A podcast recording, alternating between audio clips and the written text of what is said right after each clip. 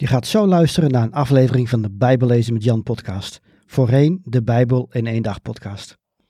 De genoemde links in deze uitzending kunnen verouderd zijn. Kijk op bijbellezenmetjan.nl of in de omschrijving van deze aflevering voor meer informatie over hoe ik mensen en kerken kan helpen met het lezen, begrijpen en geloven van de Bijbel. Welkom bij de Bijbel in één dag podcast. Mijn naam is Jan Heijnen. Ik ben auteur van het boek De Bijbel in één dag. Ik geloof dat de Bijbel Gods woord is en dat we allemaal deel uitmaken van zijn verhaal. De Bijbel is ook een vreemd boek soms. Ik help christenen de Bijbel te lezen, te begrijpen en te geloven. Op de Bijbel kun je het e-book De Bijbel in één dag gratis downloaden. Ook kun je de paperback bestellen of je inschrijven voor een van mijn cursussen of seminars. Oké, laten we met de aflevering beginnen. In een vorige aflevering hebben we handelingen besproken. Het einde van handelingen betekent ook het einde van de verhalende delen van de Bijbel. Nu volgt een serie brieven, geschreven door sommige van de hoofdfiguren uit het Nieuwe Testament. De apostelen Paulus, Petrus en Johannes, twee broers van Jezus, dat waren Jacobus en Judas, en een van een onbekende schrijver. Deze brieven zijn ontzettend belangrijk, want ze leggen ons uit wat het goede nieuws nu precies is.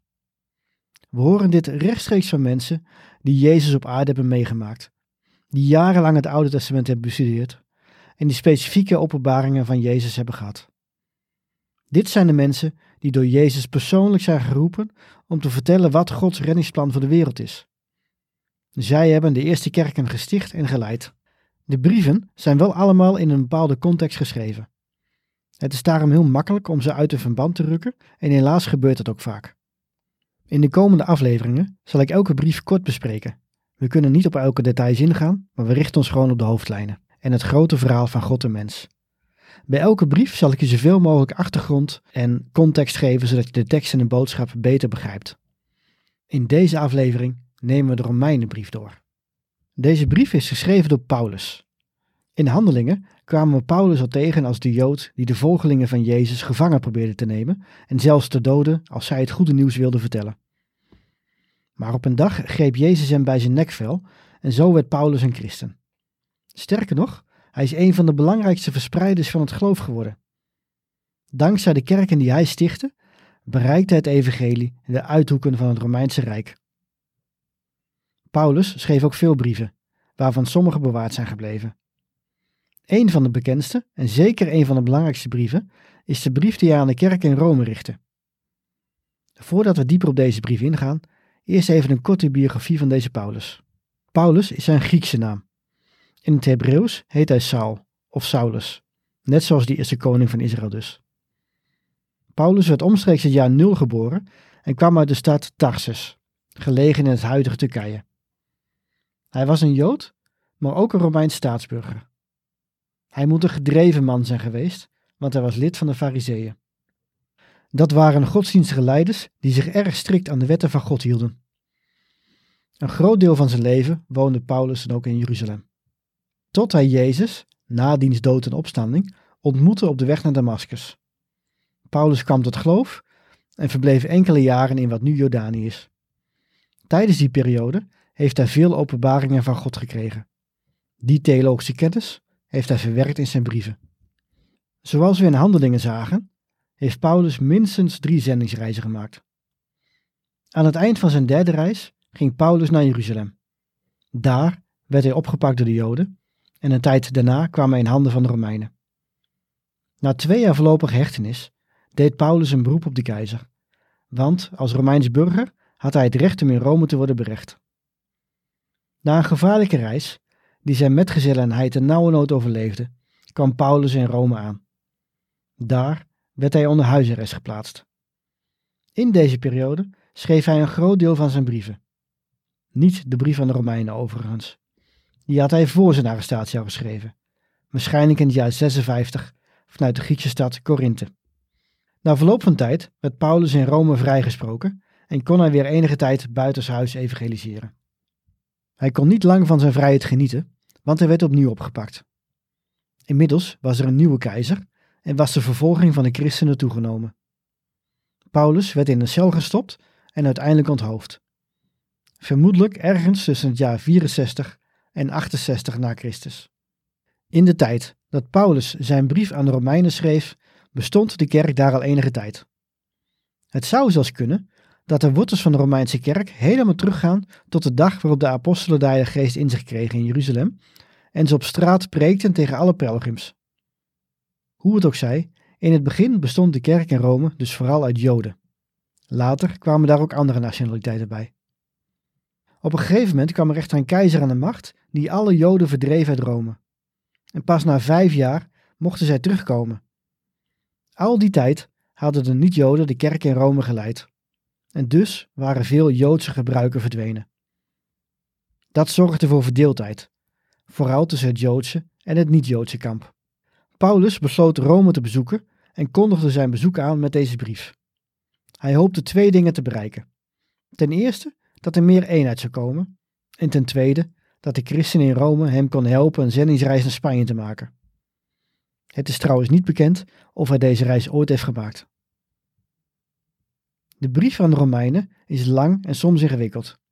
Zelfs de apostel Petrus geeft toe dat de brieven van Paulus af en toe moeilijk te begrijpen zijn, maar ze vertellen wel de waarheid, zegt hij in 2 Petrus 3, vers 16. Tegelijk is Romeinen misschien wel de beste uitleg van wat het goede nieuws precies is. Laten we maar eens naar deze brief gaan kijken. Direct aan het begin vat Paulus zijn hele boodschap samen als hij zegt: Voor dit evangelie schaam ik mij niet, want het is Gods reddende kracht voor allen die geloven, voor Joden in de eerste plaats, maar ook voor andere volken. In het evangelie openbaart zich dat God enkel en alleen wie gelooft als rechtvaardige aanneemt, zoals ook geschreven staat: De rechtvaardige zal leven door geloof. In de rest van het Bijbelboek legt hij uit wat het evangelie inhoudt, hoe God de mensen redt die geloven, zowel de Joden als de niet-Joden, en dat wij dus alleen maar hoeven te geloven. Paulus toont aan dat de wereld van binnen verrot is door de invloed van zonde. Ons hart en ons verstand zijn niet zuiver meer. Van nature keren we ons af van God en omarmen we de afgoden. We proberen ons geluk en onze betekenis te vinden in materiële dingen. We eren wat geschapen is en niet de schepper. Als de Joden dit lezen, zouden ze naast hun schoenen kunnen gaan lopen. Want zij zijn toch Gods uitverkoren volk?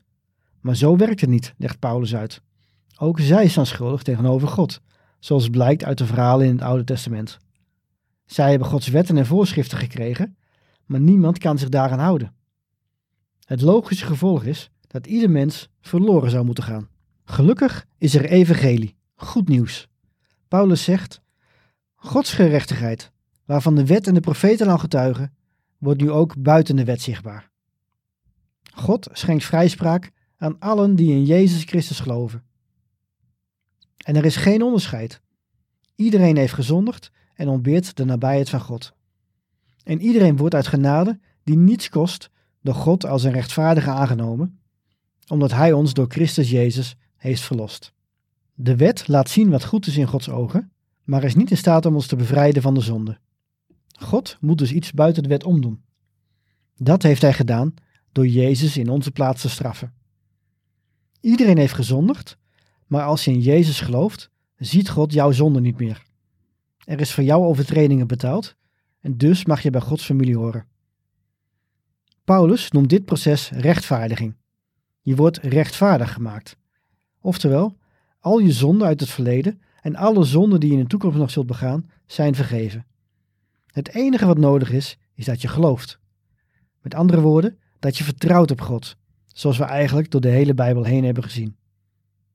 Paulus beschrijft dat Abraham, die de wet niet had, op Gods belofte vertrouwde en dat hij zo rechtvaardig werd. Dit leidt natuurlijk wel tot een probleem. Als onze zonden zijn vergeven, maakt het dan nog uit dat we zondigen. Sterker nog, hoe meer we zondigen, hoe meer genade God dan toch uitstort. Dus misschien is het wel beter om juist meer te zondigen. Dat in geen geval, zegt Paulus. Door ons geloof verbinden we ons met de dood en opstanding van Jezus. Hij is dood voor de zonde en wij ook. Hoewel we moeten accepteren dat we altijd zullen blijven zondigen, moeten we toch proberen dat niet te doen. Als we de Heilige Geest in ons laten werken, gaan we steeds meer op Jezus lijken. En Jezus was vrij van zonde. Dit proces noemen we trouwens heiliging. Het woord heilig betekent apart gezet van God en dat staat los van rechtvaardiging. Wij kunnen namelijk niets bijdragen aan onze rechtvaardiging. Jezus heeft ons verlost en als we in Hem geloven, zijn we rechtvaardigd. We zijn dus gered en horen bij Gods familie. Het is niet zo dat God ons pas accepteert als we ons gedrag aanpassen, als we de zonde verslagen hebben. Wij kunnen die zonde immers niet verslaan. Dat heeft Jezus al gedaan. Als we eenmaal zijn opgenomen in zijn familie, dan willen we ook steeds meer op Jezus gaan lijken.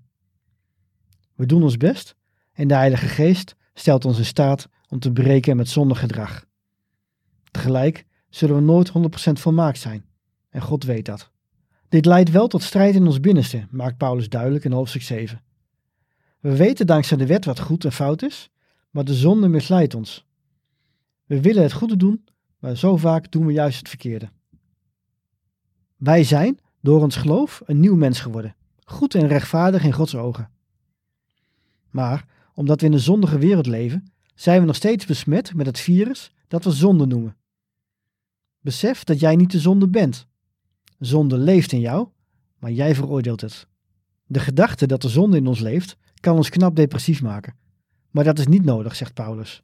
Want iedereen die bij Jezus hoort, wordt niet meer veroordeeld. Hoe dan?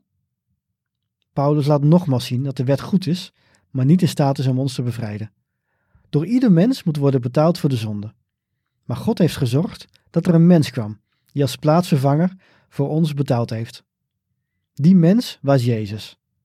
Hij heeft afgerekend met de zonde. Dat betekent dat onze menselijke wil niet langer ons leven hoeft te bepalen. De Heilige Geest leeft in ons en verandert ons hart van binnenuit. Dit doet trouwens denken aan de tekst uit Ezekiel, misschien herinner je die nog wel, waarin God belooft dat hij het stenen hart uit de mens zou verwijderen en er een hart van vlees en bloed voor in de plaats zou geven. Maar dat nu even tezijde. We gaan verder met wat Paulus te zeggen heeft, want hij zegt: niets, maar dan ook niets kan ons scheiden van de liefde van Christus. Dat zegt hij in Romeinen 8. Dat is misschien wel het mooiste hoofdstuk uit de Bijbel. Maar nog eindigt Paulus hier niet. Want wat betekent dit voor Gods volk? Dat niets ons van hem kan scheiden. De meeste Joden hebben Jezus afgewezen. En dat doet Paulus ontzettend veel verdriet. Daarom gaat hij verder in hoofdstuk 9 met te zeggen dat, omwille van mijn volksgenoten, de broeders en zusters met wie ik mijn afkomst deel, zou ik bijna bidden zelf vervloekt te worden en van Christus gescheiden te zijn. Het kan zijn dat Joden in die tijd dachten dat ze Jezus niet nodig hadden, omdat ze nu eenmaal familie zijn van Abraham. Paulus toont aan dat dit niet klopt. De belofte die God deed aan Abraham ging over op zijn zoon Isaac, niet op Ismaël. En via Isaac op Jacob, niet op de eerstgeborene Esau. Jacob werd Israël en via zijn twaalf zonen kwamen de twaalf stammen. De Israëlieten proberen zich te rechtvaardigen door zich aan de wet te houden, niet door het geloof. En dus wordt maar een klein deel gered, is daar de waarheid. Daden redden ons niet, geloof wel, zegt Paulus.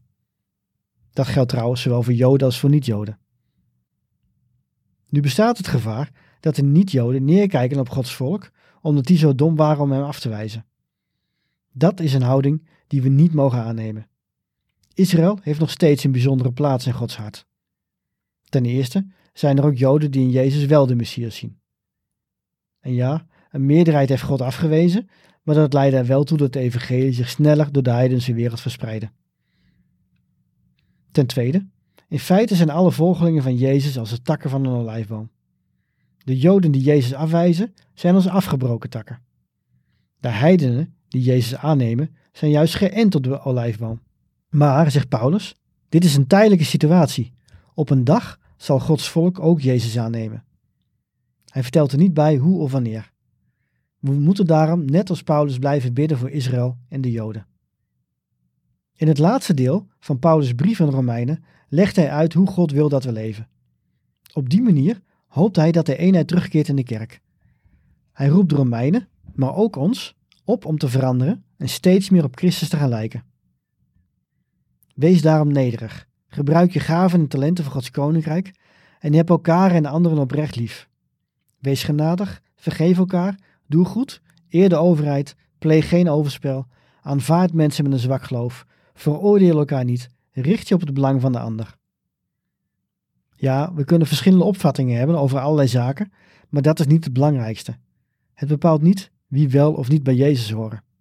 Leer daarom leven met elkaars verschillen.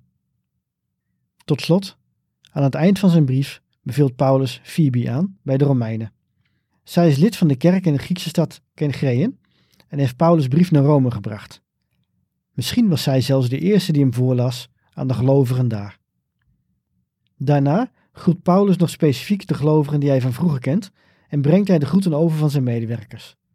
Ook doet hij de groeten van Tertius, die de brief heeft opgesteld nadat Paulus deze aan hem had gedicteerd. Tot zover deze prachtige brief aan de Romeinen.